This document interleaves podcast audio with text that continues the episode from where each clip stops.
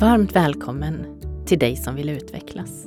Som ledare, partner, vän, förälder och medmänniska. Det här är Konsten att lyssna.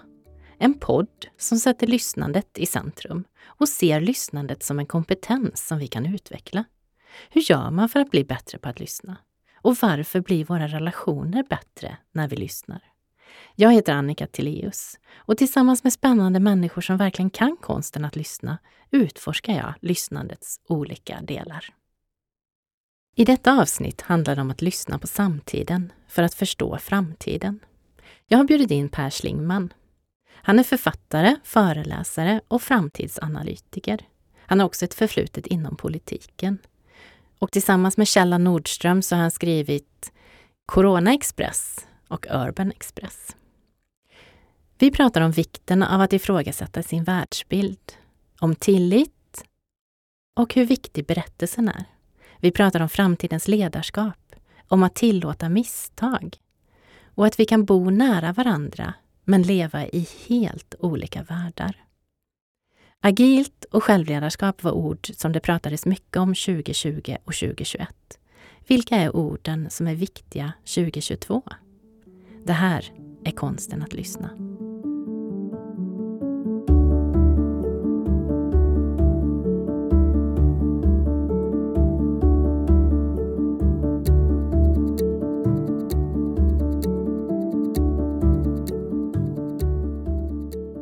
Innan vi börjar Mm.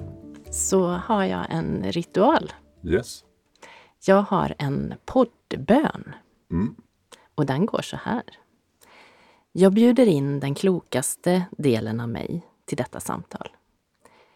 Låt mig vara öppen, äkta och närvarande. Låt samtalet vara varmt, utforskande och fullt av tillit. Låt oss ta fram det bästa hos varandra och välkomna det som sker. Låt detta samtal bli ett fint minne som vi skapar tillsammans, här och nu. Tack så mycket. Mm. Ska vi försöka efterleva det? Det tycker jag. Precis. Varmt välkommen hit, Tack Per mycket. Slingman. Tack så mycket. Ja. Du kan konsten att lyssna på samtiden för att eh, ta med dig det in i framtiden. Ja, det låter, låter, låter fint att du säger det. Nej, men jag är ju väldigt, väldigt nyfiken på, precis som du säger, samtiden. Och eh, frågan är egentligen vad av det som händer nu kommer bli bestående framåt? Och hur kommer det som blir bestående framåt också kanske samvariera med varandra? Men jag tror väldigt mycket på att, alltså att, att lyssna och tolka samtiden är en sak, men jag tror det allra, allra viktigaste är att försöka göra det utan att ha en för liksom, fastlåst världsbild. Jag tror att människan fungerar så att när vi når någon ny information eller ser någonting eller tolkar någonting eller lyssnar på något så omvandlar vi det enligt vår egen världsbild. Och det är lite grann mänsklighetens räddning därför att det skulle vara väldigt jobbigt att leva annars. Men det är också vår, den stora fallgropen därför att eh, om vi bara sorterar enligt världsbilden så kommer vi bara cementera eh, liksom ett tankemönster. Så för mig har det alltid varit väldigt viktigt att liksom aktivt hela tiden försöka eh, jobba emot sin egen världsbild, att hålla den öppen. Eh, att, att göra saker och ting man inte gjort tidigare och så vidare. Hur gör du för att hålla dig öppen? Nej, men jag, det, jag brukar så medvetet tänka på att liksom försöka undvika att ha allt för förutfattade meningar. Det har jag garanterat. Inom vissa områden har jag säkert mer än andra.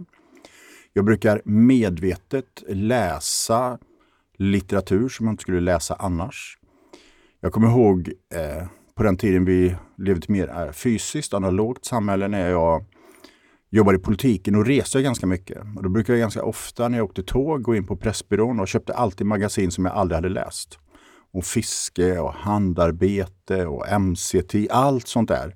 Just det där för att fånga upp fragment.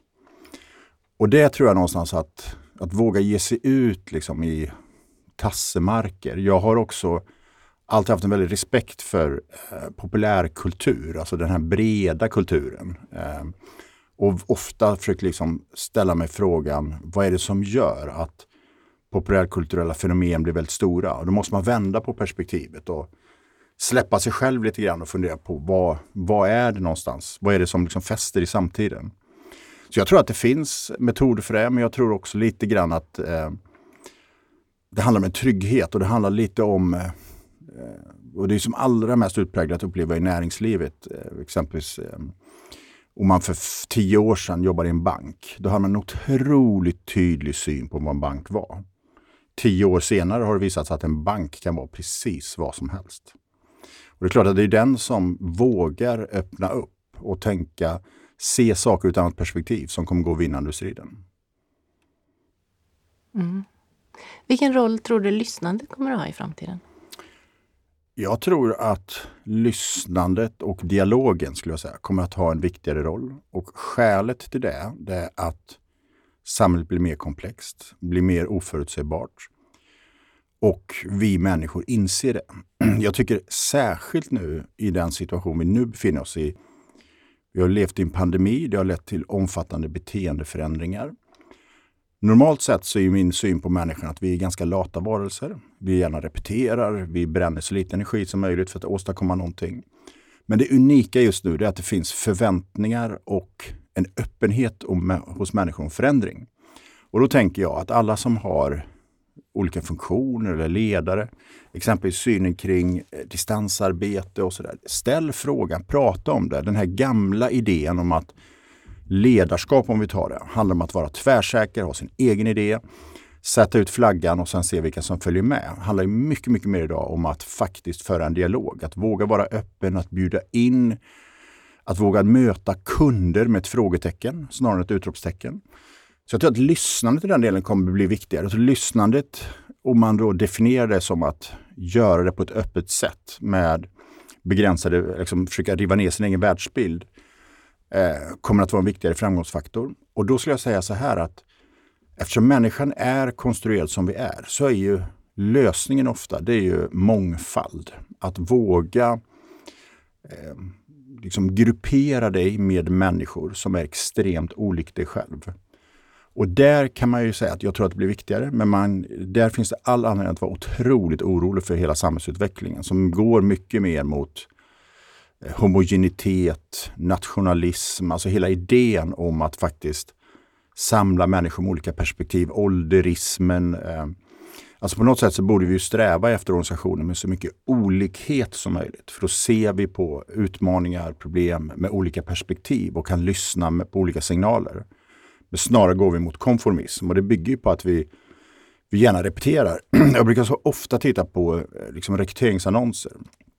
Och det är väldigt intressant därför att det handlar nästan alltid om att när någon slutar så försöker vi hitta en ny person som är en exakt kopia av den som slutar.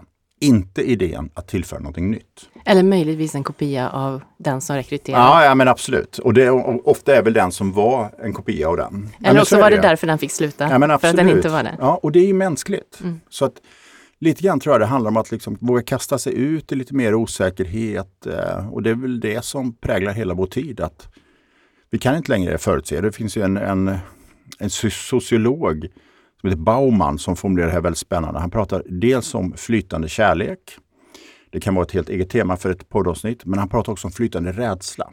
Och vad menar han med flytande i det här fallet? Flytande menar han att för inte så många år sedan så visste vi människor vad vi var rädda för. Idag vet vi inte. Vi vet att vi är rädda. Men vi vet inte vad som ska komma. Det kan vara en naturkatastrof, det kan vara en invasion av främmande makt, det kan vara en finanskris, det kan vara ett virus. Och det är någonting nytt, att, att lära sig leva i den här situationen med osäkerhet. Eh, och då är frågan, ser man då osäkerheten som ett hot? Då tror jag att man liksom begränsar sina tankar och, och lyssnande. Eller ser man det som potential och som möjligheter? Då tror jag att man är mycket, mycket mer öppen. Ja, spännande. Det är ju någonting med de här skärningspunkterna mellan olikheter. Att det händer mycket. Mm. Det händer mycket med kreativiteten. Det kanske tar längre tid att jobba ihop som ett team innan man känner sig trygg. Men när man väl gör det så är det ju otroligt givande. Ja men absolut. Och jag, du hade ju din bön här innan och den, jag är inte alls så säker på att man ska vara rädd för konflikter och man ska vara rädd för liksom, olikhet eh, och sådär. Så länge det finns liksom en respektfylld kultur. Eh, jag tror att det farliga någonstans det är liksom när man bara söker det som är gemensamma. Ibland måste man väldigt tydligt söka det som, är det, som inte är det gemensamma. Och jag tror att lösningen, i alla fall för mig, eh, har ju funnits väldigt mycket i kan man säga, hela idén om kreativitet. Att skilja på tillfällen när man fattar beslut och inte fattar beslut. Att kanske till och med ha möten, vilket jag har ibland, där det är förbjudet att använda ordet nej. Idag ska vi inte fatta några beslut. Det gör vi nästa gång. Och det tror jag att, att, så att säga, sätta upp ramverk för detta. Och det kan man ju ha liksom intuitivt i sig. Där man liksom först vågar vara utforskande. Jag tycker att vara, jag har skrivit några böcker, jag tycker att det finns någonting i den processen som är lite lik, nämligen den här första processen när man skriver råmanus eller till och med först storyline. Där man kan vara otroligt liksom kreativ. Man behöver inte tänka på det. är så lätt att man tänker på slutresultat hela tiden. Men sen när man kommer in i redigering och sådär, då måste man fatta mycket mer av beslut.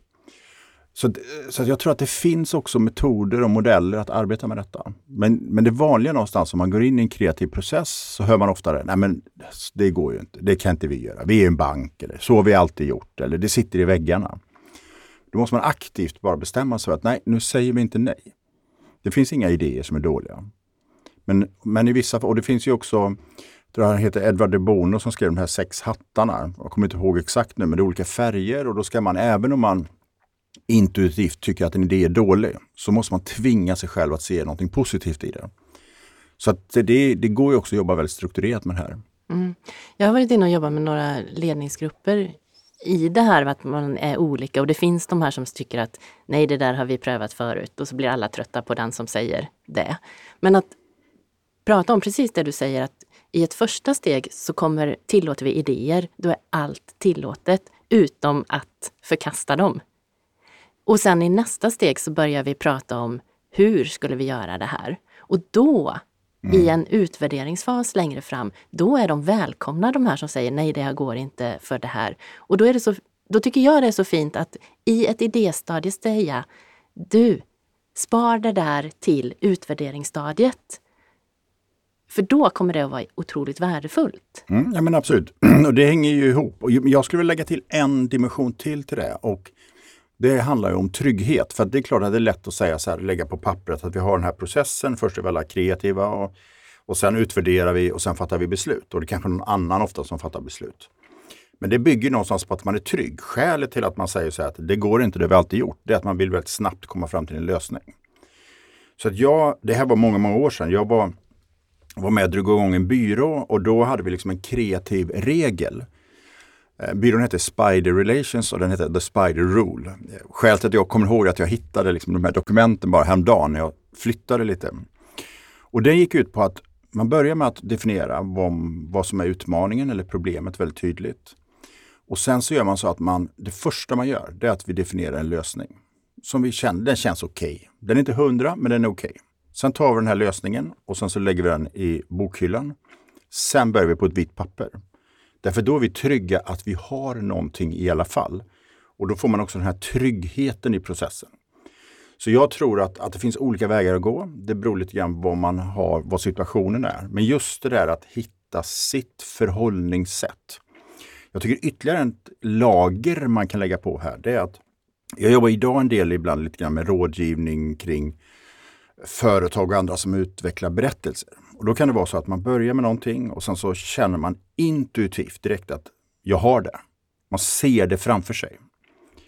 Men även då att varje gång tvinga sig att trots det jobba fram flera olika vägval och fatta aktiva beslut kring de här vägvalen. Och varje gång jag gjort det så har jag nog nästan hamnat i den här intuitiva. Men den har alltid färgat av sig och blivit bättre tack vare att man har tvingat ut sig.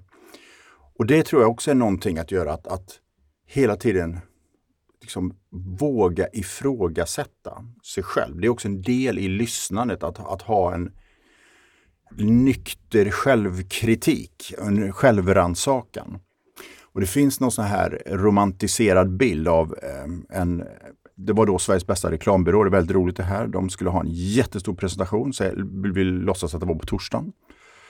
Och sen så halv tolv på onsdagen, då säger någon så här, nej det är inte bra nog. Allting var förberett. De tyckte att det var superbra, men de kände att det kunde någonstans bli lika bättre. Och det är klart, den, den energin och den instinkten och den modet till den självkritiken. Därför att annars är det så att man ofta bekräftar sig själv för sig själv. Jag köper en ny bil eller gör det här. Att det är ett väldigt bra köp. Men att ändå hela tiden orka känna. Det är ungefär som att lämna in ett manus. Eller det är konstnärer jag känner, de känner att man kan alltid göra ett litet streck till. Den har legat den här tavlan i fem år i ateljén. Jag säger bara iväg med den. Bara, nej, det finns ett streck till. Jag vet inte var, jag vet inte hur, men det finns där. Men när man har lagt det där sista strecket, kan det hända att man känner då att det där strecket skulle jag inte ha lagt? Nej, det kan, jo, jo nej, men så, så kan det ju garanterat vara. Å andra sidan så tror jag att det handlar lite grann hur man förhåller sig till... Eh, jag tror ju att, i alla fall om jag, om jag tittar på mig själv, att jag eh, stannar väldigt lite upp och reflekterar över det jag gjort. Man är alltid igång med nästa projekt. Eh, och det är ju lite synd därför att man firar väldigt sällan segrar och sådär. Man är alltid på väg. Det finns liksom siktet är alltid inställt framåt. Så att det beror nog lite grann på hur självreflekterande man är, tror jag. Mm. Att, att gå, man går och grämer sig, skulle jag ha lagt det där strecket eller inte? Eller eh, skulle jag skrivit det här kommatecknet eller inte? Men i min värld så är gjort är gjort. Hur bra är du på att lyssna på dig själv? Det, det är en väldigt teoretisk fråga. och eh, nej, men Jag tror att jag är eh, självreflekterande eh, i meningen att jag reflekterar mycket över liksom, min analys och min syn på världen. Eh, det märkliga är att jag skrev ju en bok som heter Stå aldrig still. För 2013 kom den ut. Och det var så intressant då när jag skrev den och sen efteråt så kommer den handla om förändring och sådär. Så eh, uh, diskuterade jag väldigt mycket och, och, det som händer när man skriver en bok, det är att man, och det har du säkert själv tänkt på, det är att man man, liksom, man, man utvecklar ju sina tankar i diskussioner och sådär. Och det som slog mig då, det var att och det handlar om förnyelsen av Moderaterna. Eh, och trots att den hette Stå aldrig still och det implikerar ju liksom att du får aldrig stå still, du måste hela tiden vara i rörelse. Så var min slutsats att de stora besluten och det mest avgörande, det var att vi förmådde oss, kanske trots att vi befann oss i kriser och allting, att stanna upp. Ofta hade vi 24 timmar lunch till lunchövningar när vi liksom bara reflekterade i grupp.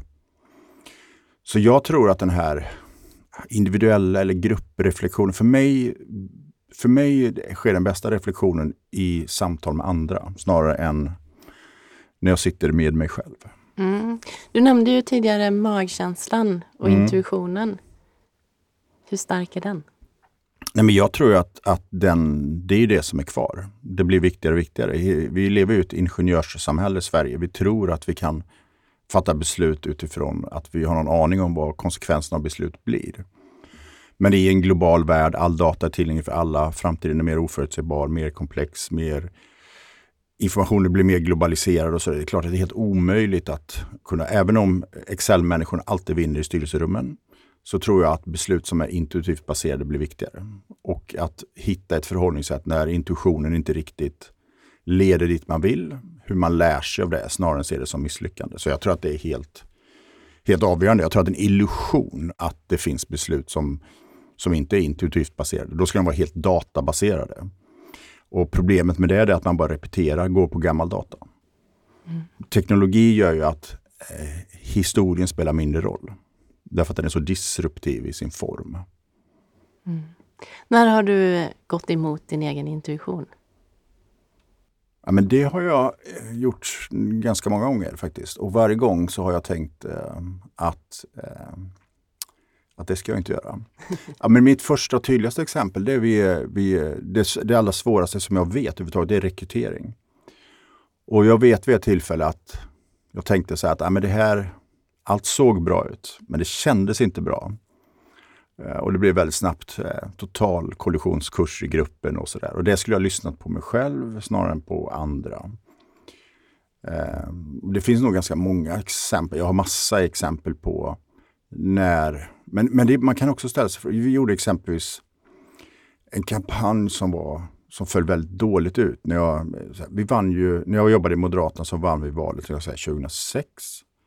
Och då gjorde vi en kampanj direkt efter som hette Äntligen har Sverige fått en arbetarregering. Och så skulle vi utse Sveriges bästa arbetare med en lunch med arbetsmarknadsministern. Och det här blev totalt hånad och sådär. Så det är klart att, att, och det var ju min intuition som styrde det. Det är klart att det var ett totalt misslyckande. Å andra sidan, om man inte skulle göra de grejerna som misslyckas så skulle man heller inte göra grejerna som lyckas. Så det är ju en definitionsfråga om, om det var bra eller dåligt eller om man ångrar eller inte. För det är ju priset man får betala för intuition och intuitiv, eller beslut överhuvudtaget. Att vill man lyckas med någonting så måste man vara beredd att också misslyckas. Eller hur? Väldigt viktigt. Men jag tänkte du som har liksom ägnat din, ditt liv åt, åt lyssnande. Är det en allmän bild det här att, att beslut blir mer intuitiva? Eller man kanske inte ser det så? Eller inbillar man sig ändå att vi fattar beslut? För vi, vi har ju också utveckling med hela datadrivna och big data och sådär. Mm. Jag hade en chef när jag jobbade med just eh, dataanalys. Mm. Och eh, det här är ju jättelänge sedan. Men eh, och jag ville ju ha underbyggda svar, mm. för det var ju den rollen. Men han var så här, nej men Annika, vad säger magen? Mm. Eh, det var ju intressant att, ja men många gånger när han ställde den frågan så och han var verkligen så här i frågeställningen, du behöver inte bygga upp det här mm. resonemanget. Du behöver bara svara på vad säger magen? Och många gånger så sa han ju någonting annat. Mm. Och där fanns ju något spännande att utforska. Absolut. Men jag, jag tänker mig också att, att det faktum att du hade en massa data, det gjorde ju att din konceptuella bild, kontextuella bild blev bredare och du därmed också kunde kanske fatta mer förfinade intuitiva beslut. Mm. Jag, jag kommer ihåg på, här, om man går tillbaka till politiken så, det som kanske man minns mest är ju liksom Moderaterna som vi aspirerar på att bli Sveriges nya arbetarparti. Och det var ganska intressant. Det här, på den tiden fanns det inte så utvecklade så här, mätverktyg. Men vi tvingade ett av opinionsinstituten att ställa massa öppna frågor för att vi ville förstå hur väljarna och människor förhåller sig till detta. Och då ställde vi, vi hade något som hette så här, Vi älskar Sverige, som var någonting vi gjorde ganska snabbt. Det älskade människor, men det ledde fel diskussion. Det blev om nationalism och sådär. Sen hade vi Nya Moderaterna. Det tyckte folk var bra, men det väckte inga större känslor. Och sen hade vi Sveriges Nya Arbetarparti. Det uppfattades brett som fullständigt eh, saknar trovärdighet, men det väckte känslor. Och i det fallet så gick vi rakt emot all data eh, och valde att göra det trots datan. Så då, och då var det väldigt tydligt så att, att å ena sidan kan man säga att den intuitivt var det ett beslut. Men å andra sidan så var det ett rationellt beslut därför att vi upplevde att möjligheten att det väcker känslor är större än att det saknar trovärdighet. Så att det är väl liksom en kombo av båda det där. Eh, och jag tror att vi människor, in, vi vill ju gärna också säkra upp intuitiva beslut genom datan. Och det är ju fantastiskt. Så att jag tror att jag tror Netflix har sagt något ganska talande att när det gäller att skapa innehåll, det jobbar vi inte med data. Det är konstnärligt, kreativt arbete. Det handlar om att hitta det originella. Men så fort vi har ett format, då är data makalöst för att nå fram till tittaren via algoritmer. Så det kanske är vår tids nya kompetens, att kunna skilja på var behövs det intuitiva beslut och var kan vi använda data. Mm. Och att inte bara använda data för att bekräfta sin egen teori. Mm. Jag har gjort eh, väldigt mycket fokusgrupper där man har bjudit in kunder och där jag har lett ett samtal. Och jag har haft folk som har tittat på uppdragsgivare som har streamat det här samtidigt. Och första gången när jag gjorde det här så märkte jag att det kunde vara två i princip människor med helt olika uppfattningar som lyssnade in och båda kände att de hade fått belägg för sina mm. åsikter. Så jag fick ha en en lyssnarutbildning mm. innan de lyssnade in för att de skulle kunna vara nyfikna på ja, men vad finns det för andra argument för andra sidan och hur, hur många är det som säger det ena och det andra? För det är väldigt lätt att man bara nyper, ja, nu mm. sa hon Svår, det. Absolut. Svårigheten tycker jag där, det är egentligen hela polariseringen. att vi har snart inget gemensamt språk, inga gemensamma referensramar. I, I nationen Sverige, det enda gemensamma är väl idrott, melodifestival. I övrigt så har ju eh, de allra äldsta, de allra yngsta och, och väldigt, väldigt lite gemensamt. Bland de som är lite yngre så, så, så hävdas det att hiphopen är det enda som förenar eh, egentligen hela den unga generationen och sådär. Så att det är klart att det är också en jätteutmaning. En av de mest här, största aha-upplevelser för mig, som har nog format hela min syn på liksom, strategi, kommunikation och beslutsfattande, och så här, det var vi gjorde en opinionsundersökning en gång och så ställde vi två frågor till samma respondenter. Det första var så här, vilket parti har den bästa politiken för att eh, bekämpa arbetslösheten? Och sen ställde vi frågan, vilket parti har den bästa politiken för att skapa fler jobb? Man kan tycka att det handlar om samma sak. Mm. Svaren var helt diametralt olika. Så det handlar ju någonstans om vem har makten över verkligheten, över berättelsen. Eh, och det måste man också tänka på att när vi går in i samtal så är det bara vår referensram som styr hur vi tolkar eh, någonting. Eh, hur vi förhåller oss till det nya. Skapar det hot? Är det möjligheter? Allt det här. Så, att, så, att, eh, så det krävs ju otroligt mycket för att verkligen ha ett, ett eh, helt förutsättningslöst öppet samtal. Eh, och jag tänker att eh, det är så intressant också hur, hur vi bygger upp. Jag tänker ofta på detta när jag tänker på hur förhåller vi oss till de unga fantastiska berättarna på Youtube. Eller numera med TikTok. Då finns det en otroligt, upplever jag, en världsbild hos hela vuxenvärlden av att inte ta det på allvar. Eh, och det är klart att, att då kan man inte lyssna. Det går inte att gå in med ett sånt förhållningssätt. Eh, och det är väl det som präglar människan. Vi lever i det här liksom förväntningssamhället. Vi har ofta redan bestämt oss. Jag brukar tänka på det, jag föreläser ganska mycket, så tänker jag att de allra flesta har redan, innan jag kommer upp på scen, har de bestämt sig för vad de kommer tycka om det här. Eller hur? Så mm. besluten, det är också någonting annat att tänka på. Var någonstans fattas beslut? Och det, allt det här hänger ihop. Mm. Vad ska vi göra? Ja, men jag, det, det, det den här frågan leder till lite.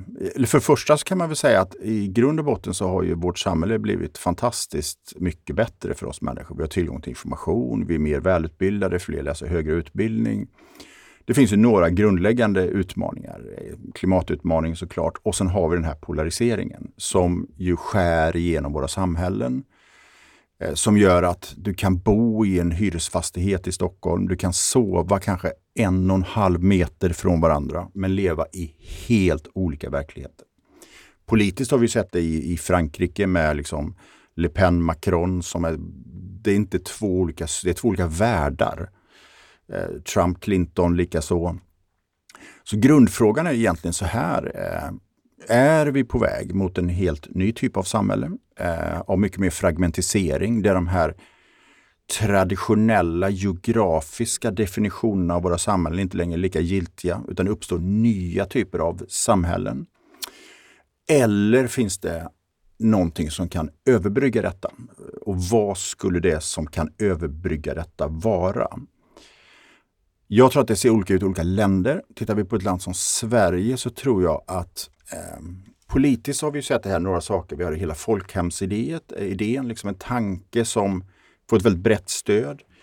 Jag skulle säga att vi hade det delvis i hela den här arbetslinjen och sådär. Det finns någonting som förenar.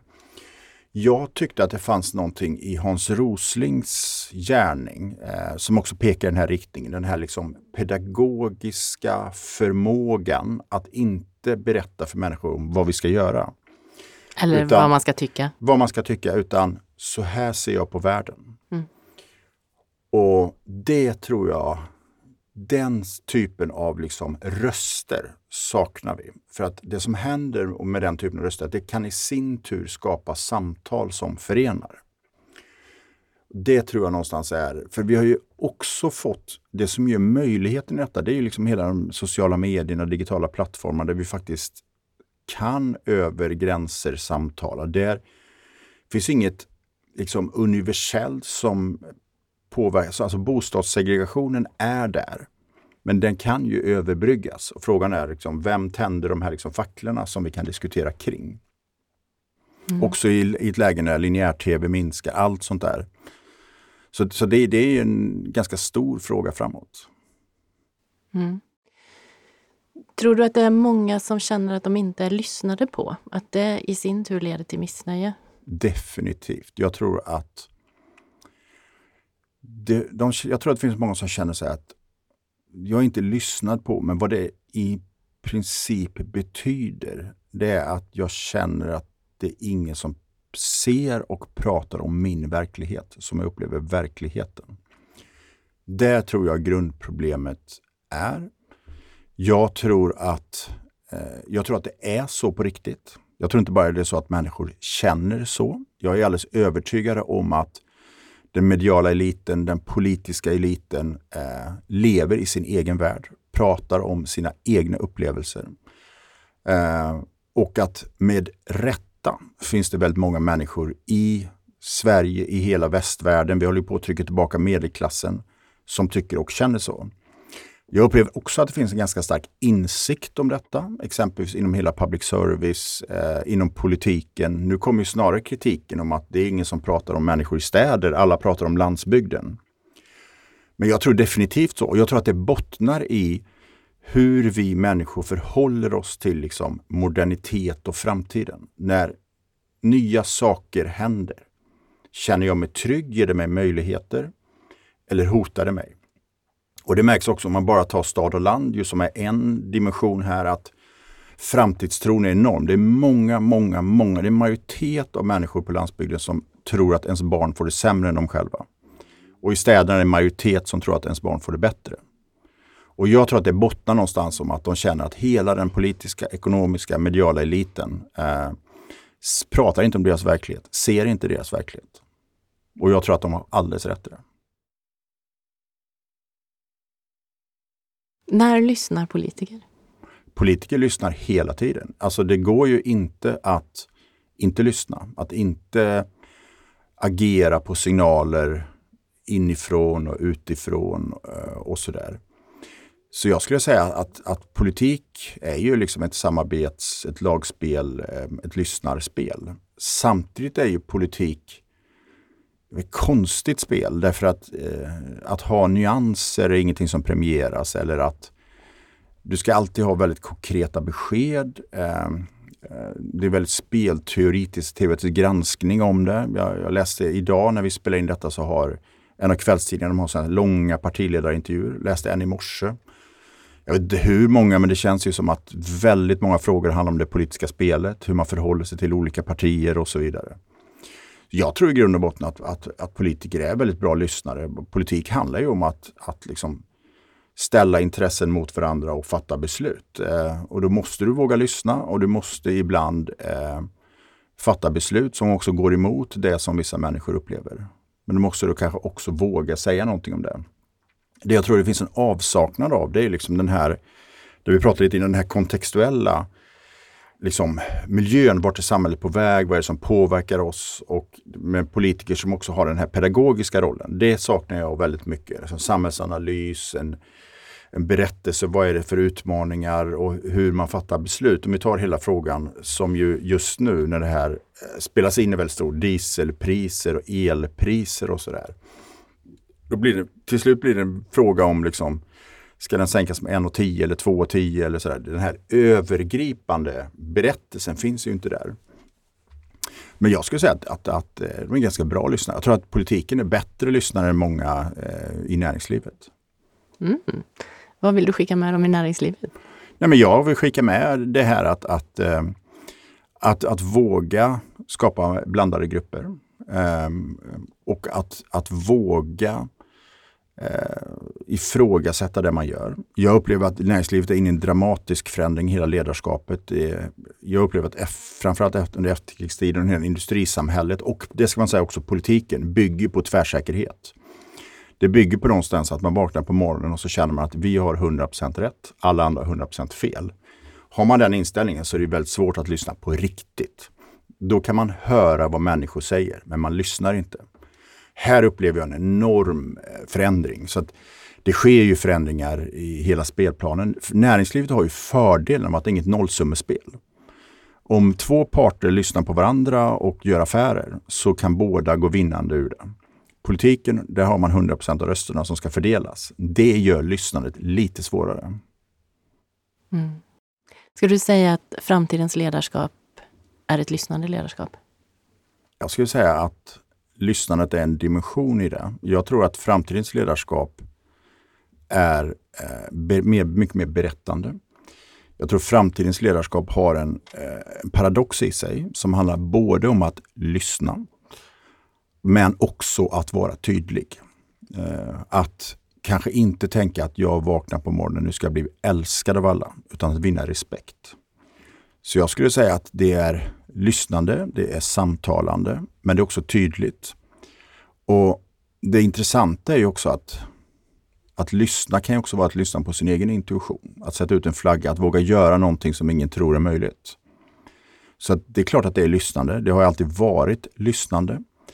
Men jag skulle vilja säga att, att är det någonting som man skulle vilja liksom addera så är det det här att vara nyfiken och att bejaka mångfald, att våga göra det, att våga träda in i osäkerhet. Jag tror också att det är lyssnande i meningen att det är mycket mer empatiskt. Vi går emot ett mycket mer distribuerat ledarskap där människor inte längre är lika mycket i samma rum. Maktstrukturer faller, förändras. Och då krävs det mycket mer en empatisk förmåga. Både såklart för att fånga upp människor som inte mår bra, men framförallt att fånga upp människor eh, och hur coacha dem till att nå mer av sin egen potential. Det kommer ju, är ju antagligen svårare och jag tycker att det är så otroligt spännande att se de undersökningar som görs när, där det finns en, en absolut majoritet av kvinnor som känner sig väldigt trygga. Inte väldigt trygga, men som känner sig mer trygga med den här typen av ledarskap än män. Så det är ganska, jag tror att det är ganska, ganska stark förändring och stor förändring som sker. Och väldigt mycket handlar också om, om det här att, att faktiskt etablera ganska tydliga berättelser. Eh, att göra det på ett sätt som människor känner och ser vad den egna insatsen spelar för roll i helheten. Vi har ju alltid klagat på stuprör i organisationer. Nu riskerar vi att börja klaga på sugrör. Alltså vi vet vad vi själva gör men inte någon annan. Så jag tror definitivt att, att eh, vi är på väg ofrånkomligen i en sån riktning eftersom innovation och trial and error blir viktigare och viktigare. Mm. Hur, hur gör man för att fånga upp medarbetare eller medmänniskor på distans när man anar att någon inte mår bra? Ja, det här är ju eh, det svåra. Och då tror jag så här att det vi ser nu kommer, det är en typ av ledare som är mycket mer empatisk, kommunikativ, Ehm, som är väldigt duktig på människor, som älskar människor. Och det kanske är så att det här är ett enormt skifte. Från början i Sverige så var det ju jurister och militärer som var ledare. Sen kom ingenjörerna. Vi fick Ericsson och de här bolagen. Sen kom ekonomerna. Sen skrev Janne Karlsson, eh, Vänd pyramiderna. Nu kanske de kommer, den här typen av kommunikativa, empatiska ledare som är just duktig på att leda. Och jag tror att det handlar just om det, att, att förmå sätta sig in i andra människors situation. Att vara genuint nyfiken. Eh, och det är någonting som jag tror delvis har med hur man, ja, hur man är lagd. Det lite, låter lite konstigt. Men, men det, är, det är en annan typ av ledarskap. Det handlar inte kanske längre om att vara bäst på affären, som länge. Utan eh, man kanske har liksom ett sätt att fatta liksom affärsstrategiska beslut. Det skjuts allt mer upp till styrelser och ägare. Men att vara den här empatiska ledaren. För att i det ligger ju det som jag tycker är det allra svåraste i rekrytering. Nämligen, du har ju bara två saker du kan titta på. Det ena är vad en människa har gjort. Och det andra är vad en människa har för potential. Och Jag tycker att det är så otroligt svårt. Men det ligger i den här, liksom, det är nästan en tyst kunskap eh, som man får. Eh, och det, men det finns ju också olika metoder. Det finns ju de, jag läste en del brittiska företag där chefen besöker alla, om de jobbar hemma eller på en coworking, besöker dem i deras hem. Så det finns ju också så här, det kan ju vara så att förutsättningarna inte finns där. Att liksom, eh, när man väl kommer hem så sitter någon liksom i en garderob inkrupen. Det kommer ju en väldigt rolig bok, jag kommer inte ihåg vad titeln är nu, men det är en fotobok om människors arbetsplats under pandemin. Väldigt, väldigt roligt och säger otroligt mycket. Där ah, folk jobbar på alla möjliga ställen kan jag säga. Det tror jag vi själva har gjort också. Och det är klart att finns förutsättningarna finns inte förutsättningarna. Så det, det är många olika led i detta. Men, men det, det, kan vara en väldigt dramatisk, när vi tittar på detta historiskt. Att organisationsformen kanske är den största förändringen sedan matrisorganisationen. Och nu kommer ledarna efter ekonomerna. Mm. Och hur ser du på självledarskapet i det? Alltså självledarskapet, jag ska helt ärligt säga, det är ett begrepp jag har ganska svårt för. Eh, det var ju liksom, det kändes bredvid ordet agil, det ordet som alla pratar om 2021 och 2020 och sådär. Det handlar i grund och botten om att ha tillit till människor, ett ömsesidigt tillitskontrakt som jag ser och att ge människor mandat att styra sitt eget arbete. Vi jobbar mycket mer målinriktat och så. Och det är klart att här har ju pandemin fungerat som en enorm tidsmaskin. Kanske kastat oss tio år fram i tiden. När vi jobbar mycket mer decentraliserat på olika platser, då förutsätter det att människor tar ett större ansvar. Även om man måste designa mycket mer strukturella förutsägbara processer. Så jag skulle säga att, att det som händer nu är ju självledarskapets renässans på något sätt. Utmaningen för många ledare att leda självledare, det är ju någonting annat än att leda medarbetare. Mm. Hur gör man det? Ja, men genom kommunikation, genom att eh, ha en tydligt, liksom, varför gör vi det här? Vart är vi på väg? Vad är målet? Så att alla känner att de är en del av någonting gemensamt. Genom förmågan att etablera stark berättelse som andra kan berätta vidare, göra till sin egen, skapa energi, engagemang. Genom att inspirera eh, och genom tillit tillit kommer väl rimligtvis vara den allra största frågan. Och jag har sett att det var någon arbetsgivare som har skapat tillitsmanifest, vilket jag tycker känns väldigt spännande. Därför att det bygger på det. Och det var ju också det intuitiva som var det tuffaste chefer och ledare kände när pandemin kom. Nämligen att man tappade känslan av kontroll. Och vad innebär det att tappa känslan av kontroll? Jo, man ifrågasätter sin tillit. Och tillit är någonting ömsesidigt. Så, att, så det är ett annat sätt att leda. Och det är ju lite grann att alla är sina egna frilansare fast man är det i strukturer som anställd. Man brukar ju tidigare tala om, vad pratar man om, entreprenörer och intraprenörer. Eh, och här kanske liksom alla blir frilansare fast och nu, nu pratar vi om en del av arbetsmarknaden, men det är ändå upp mot 30 procent. Och hur skulle du beskriva begreppen entreprenör och intraprenör?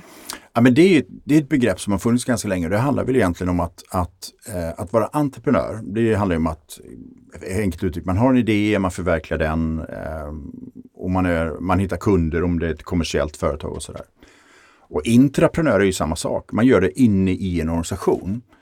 Eh, det har alltid varit väldigt svårt därför att man får ju i organisationer väldigt starka kulturer med väldigt starka världsbilder. Det är därför som man tar ett företag som Google, de förvärvar väldigt mycket små startups just för att få in ny energi. Eller det är därför som också stora företag eh, har platser på sådana här coworking-ställen för att hitta andra kreativa miljöer.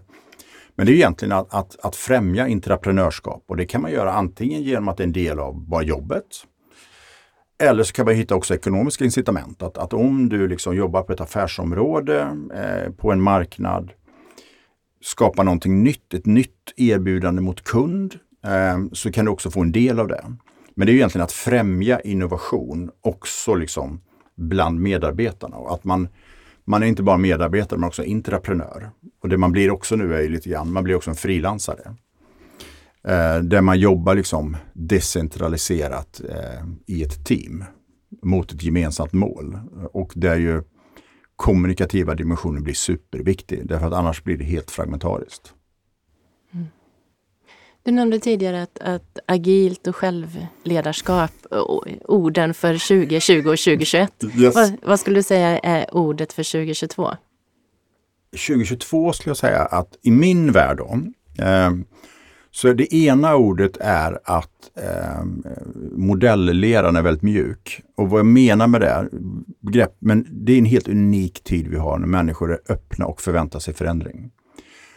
Så det är, liksom, det är högkonjunktur för alla de som vill testa någonting nytt och förändra på områden vi varit helt fastlåsta. Det här idén om att vi jobbar 9 till 5 på ett kontor, idén om att eh, man gör internationella affärer med att träffas fysiskt alltid och så vidare. Och så idén om att vi ska ha stadskärnor som är attraktiva. Det finns massa sådana här frågor. Så det är liksom det tror jag kommer prägla 2022. En enorm innovation. Pandemin har skapat nya beteenden. Vi kommer nu testa massa nya innovativa sätt att göra saker och ting. One size fits all som vi vant oss vid liksom på hela arbetsmarknaden, arbetslivet, organisation kommer ersättas av en mångfald. Det tror jag kommer vara. Det andra kommer naturligtvis bli att hitta formerna för det här distansledarskapet.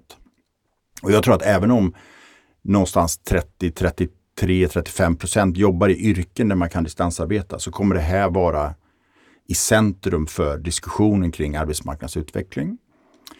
Så det tror jag kommer att eh, eh, vara där. Eh, och sen så tror jag fortsatt att, att det är klart att eh, de som pratar om att vara agil 2020 och 2021 fick ju rätt. Eh, är det någonting jag tror att vi kan se nu så är det att vi har överraskat oss själva genom vår enorma agila förmåga, vår enorma omställningsförmåga, vår enorma robusthet. När vi gick in i pandemin så trodde ju ekonomer att en tredjedel av BNP skulle raderas ut. Eh, man trodde att det var helt omöjligt att fortsätta driva, utveckla nya affärer, att arbeta. Eh, vi visar att allt det här gick. När vi tvingades bli ofrivilliga innovatörer. Nu handlar utmaningen om att bli frivilliga. Så jag tror att, att det har på något sätt blivit en hygienfaktor. Agiliteten. Så att, eh, och sen får vi se, sen tror jag det är inte lika eh, roligt och njutbart, men jag tror sådana grejer som inflation, högre råvarupriser, eh, säkra sina leveranskedjor kommer bli också nyord 2022. Mm. Och tillit? Tillit, absolut. Och där är ju Sverige, Norden, Holland kanske, vi, vi toppar ju världen. Vi har en enorm både mellanmänsklig tillit och en tillit till liksom institutioner. Kan vi behålla den då kan vi också bli väldigt, fortsätta vara väldigt, väldigt snabba och väldigt innovativa. Allting går så mycket snabbare när du har tillit. Du slipper ifrågasätta, du slipper skriva avtal, du kan bara köra därför att man litar på varandra. Mm. Om, om man vill ta ner den här tilliten i en uh, arbetsgrupp mm. och uh, säg att man har en uh, chef som inte känner tillit mm. till sina medarbetare. Mm. Det Vad tror jag många då? känner. Vad, vad, vad var frågan? ja, men vad, vad kan chefen göra och vad kan medarbetaren göra? Hur kan man lösa en sån situation? Ja, men antingen så får man ju hitta en väg hur man kan stärka tilliten. Antagligen genom att eh, göra saker gemensamt som bygger tillit.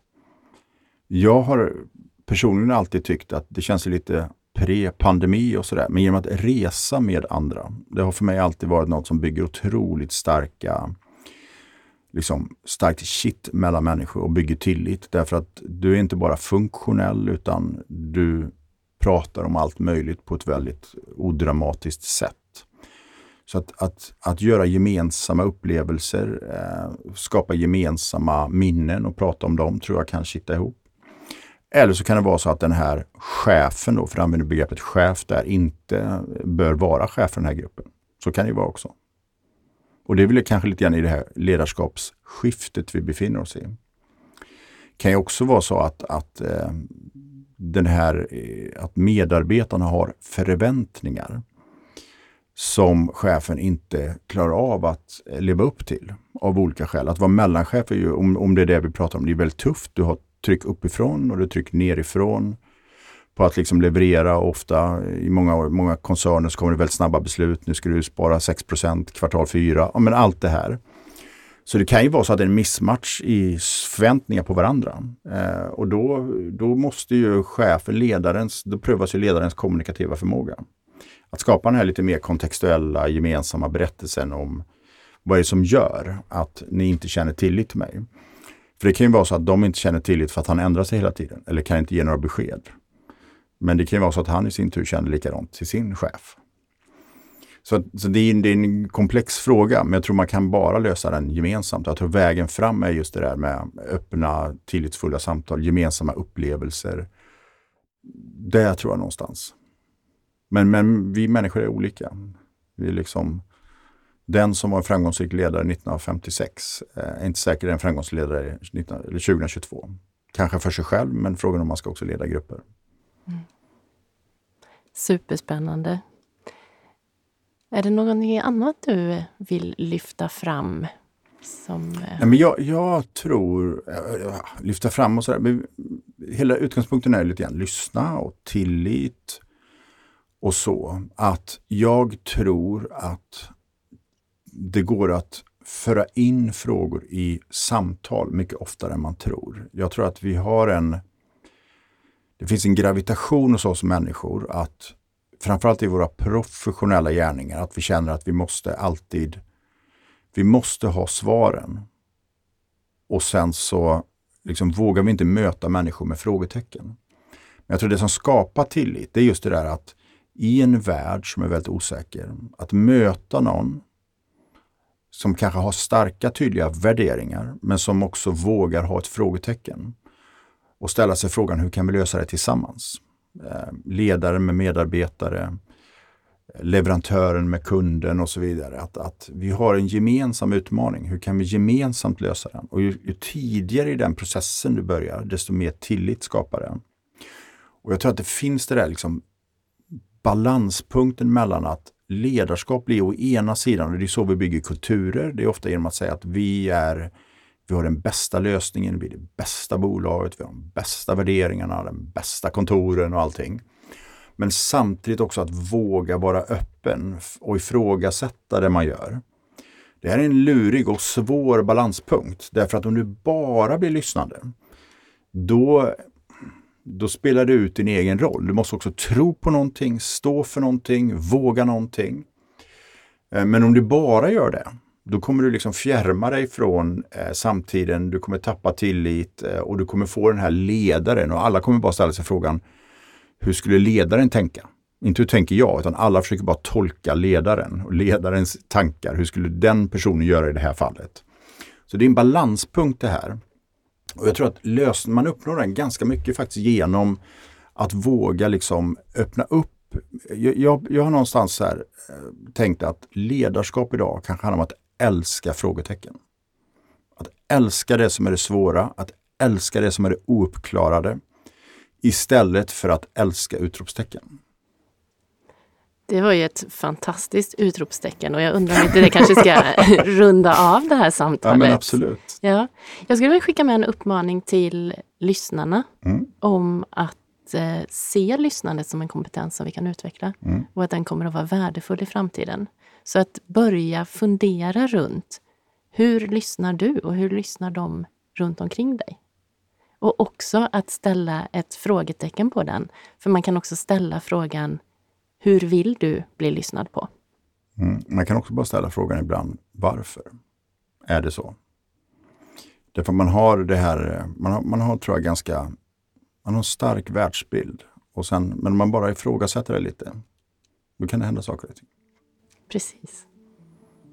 Stort tack för att du kom hit Per Schlingman. Tack så mycket.